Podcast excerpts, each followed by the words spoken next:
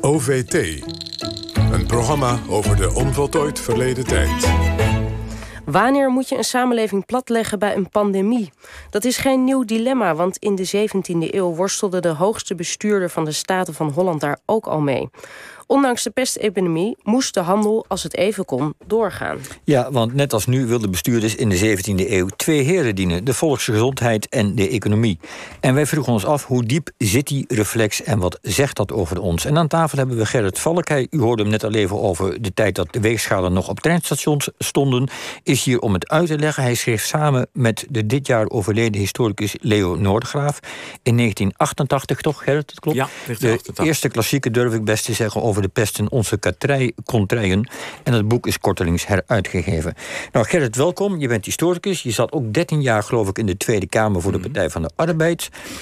Uh, als jij kijkt naar het overheidsoptreden van de afgelopen maanden, uh, de lockdown, de tweede lockdown, nu veel gehoord commentaar is, er is te lang gewacht. Hoort, uh, en dat hoor je wel vaak over de Nederlandse regering, wij, zijn het, het wij, wij komen altijd achter de rest aan als het hier om coronamaatregelen gaat.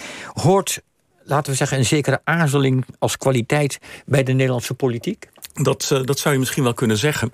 Ik denk dat uh, ons kabinet, dat de premier en de minister van uh, Volksgezondheid geprobeerd hebben om de belangen van de volksgezondheid en de belangen van economie beide een beetje met elkaar te verzoenen en in evenwicht te houden. Dat zag je ook, ook vroeger.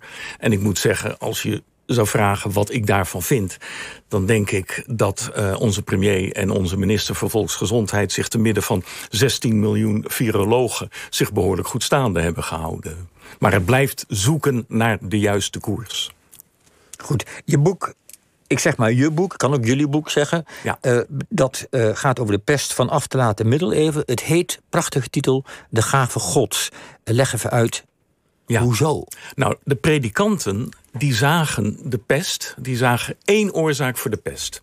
En dat was een straf van God. Maar, zeiden ze, we moeten God juist dankbaar zijn voor de pest. Want omdat hij die als straf naar ons stuurt... kunnen de mensen tot inkeer komen...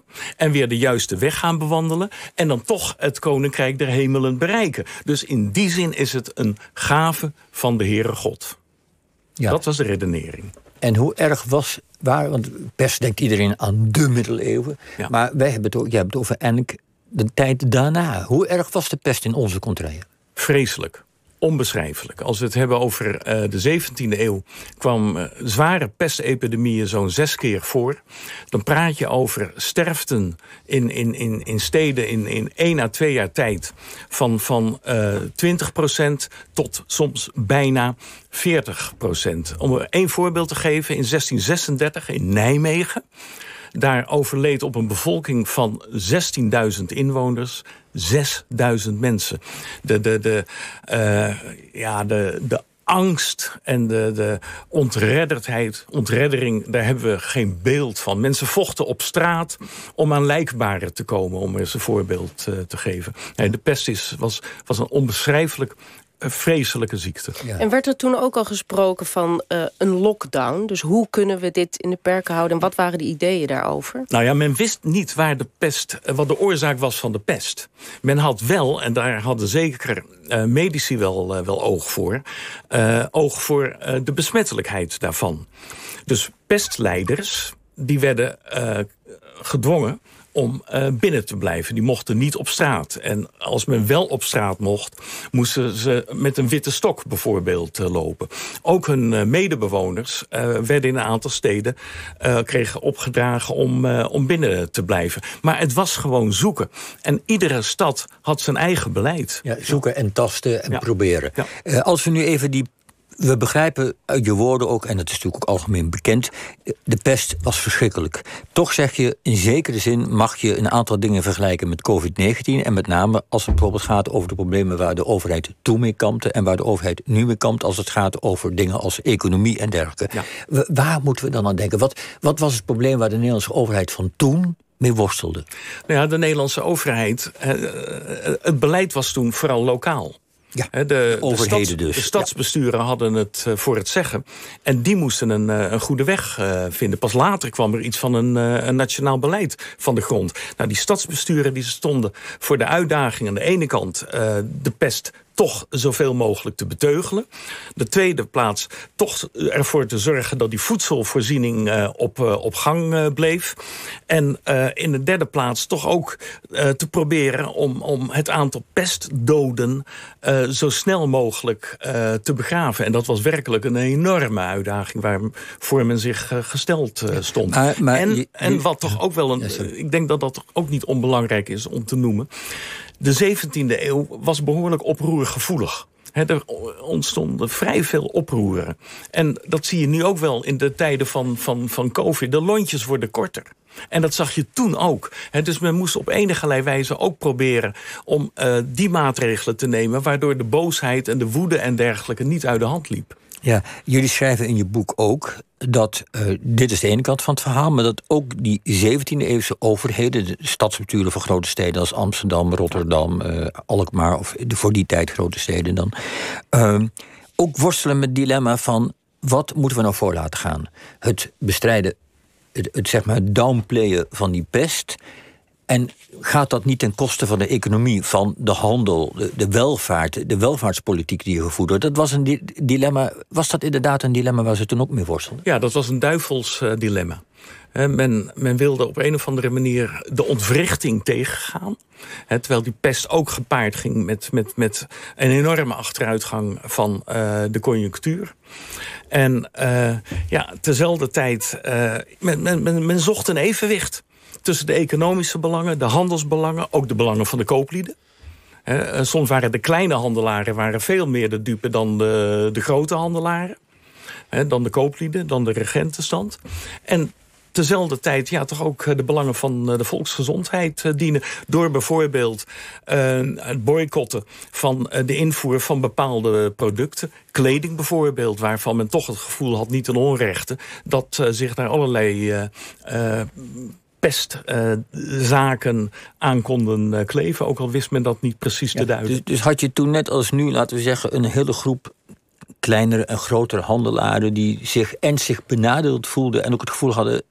ja, we zijn echt gigantisch te pisang. Kun je daar voorbeelden van geven? Want wat zijn dan... Want je doet nu één maatregel, de boycott van bepaalde kleding. Nou ja, bijvoorbeeld handelaren van, uh, van buiten, en dat waren vaak kleine handelaren... Uh, die moesten dan één of twee dagen buiten de stadsmuren wachten. En als men het gevoel had van nou, uh, die zijn niet ziek... dan mochten ze naar binnen. je, had, je hebt ook berichten dat herbergiers buitengewoon moeilijk hadden. Net als nu. net zoals nu, net zoals nu de, de horeca. omdat mensen niet meer kwamen. Er kwamen geen, eh, geen schepen meer in de havensteden. Dus ook geen mensen die, eh, die gingen passagieren. Uh, mensen die bijvoorbeeld een, een kermisattractie runden. Die waren zeker de dupe. Ook omdat de katholieke kerk er enorm op hamerde... dat dit soort uitingen... of de, de gereformeerde kerk erop op hamerde... dat dit soort uitingen zouden worden verboden. Want het waren katholieke uitingen. Aan de andere kant had je ook beroepsgroepen die profiteerden. De notarissen. Want er vond een hoos aan uh, testamenten werden erop gemaakt. Of pestdoktoren. die waren op, de, op een gegeven moment uh, waren die zeer gevraagd. Maar dat waren ook wel weer buitengewoon gevaarlijke beroepen. Ja, je, je constateert dat het vooral plaatselijke overheden zijn. Een tijd lang, een paar eeuwen lang. En op een gegeven moment komt toch uh, zoiets als een nou, onze huidige begrippen landelijke overheid in actie. En eigenlijk pas vrij laat. Ja. Wanneer is dat en waarom zo laat? Nou, dat, dat zie je pas uh, eigenlijk in de epidemie, van uh, de jaren 60 in de 17e eeuw. Rondom 1664. Nederlandse schepen in het uh, buitenland worden tegengehouden. Zeeland beklaagt zich dat de pest in Zeeland niet heerst... maar wel in Rotterdam en Amsterdam. Maar dat ook Zeeuwse schepen de dupe worden. En wat er dan op een gegeven moment gebeurt is dat de Staten van Holland de commissie uh, instellen. En dat die zich gaat buigen over de te nemen maatregelen. Die commissie die stelt ook een medische commissie in. Een commissie van, van medici. een soort OMT. En zou je bij, met enige fantasie kunnen zeggen... die komen ook met allerlei adviezen. Vooral adviezen trouwens die, die op lokaal gebied doorgevoerd zouden moeten worden. Maar toen werd er wel voor het eerst gezegd... willen we, de pest komt van buiten. Het is niet iets van, van, van besmette lucht hè, of een straf van God. Nee, de pest komt van buiten. En uh, willen we de pest echt buiten de deuren houden... dan zullen we schepen uit pestgebieden zullen we in quarantaine moeten houden. En als de pest heerst, zullen we die schepen de toegang tot onze havens moeten ont, uh, ontzeggen. Ja, en, en dat was eigenlijk voor het eerst. Ja, maar is dat ook omdat ze kijken naar wat de rest van Europa doet? Jazeker. Zeker, want wat dat betreft... Uh, kijk, dat is een hele goede vraag. Kijk, in Nederland was die traditie van vrijhandel enorm sterk dus die, die, die, die kooplieden die wilden eigenlijk helemaal geen beperkingen van de handel en de scheepsbewegingen. Terwijl in het buitenland er het economisch beleid vaak veel centralistischer uh, was. Ook omdat ze daar niet een, een, een, staatsstructuur kenden zoals wij, waarbij vooral de steden het, uh, het voor het zeggen uh, hadden. En in die zin kun je wel zeggen dat de republiek wel achteraan liep. Trouwens, het land wat het meest achteraan liep was het Ottomaanse Rijk. Want daar kwam iedere keer de pest vandaan. En daar leefde ook de overtuiging van uh, Allah beschikt het. Dat was China van toen, eh, voor de mensen waarschijnlijk. Maar even terug blijven bij de republiek. Wij waren vrij laat met handelen. En is dat dan een soort, uh, vanwege ook steeds die nadruk op het handelsbelang, hoor ik je zeggen? Dat dus die angst is, schaden we de handel niet als we te strenge maatregelen nemen? Is dat dan een soort patroon wat in ons is doorgeslopen en wat we nu weer zien als ware? Hoe kijk je naar wat er nu gebeurt? Nou, wat de regering nu doet, het aarzelen, het wijfelen, et cetera? Ja, ja je, je kunt het uh, wijfelen noemen. Het is ook zoeken. Hè? En dat, dat gold ook voor, voor toen. Want toen wist men niet eens waar de pest eigenlijk vandaan kwam. Hè?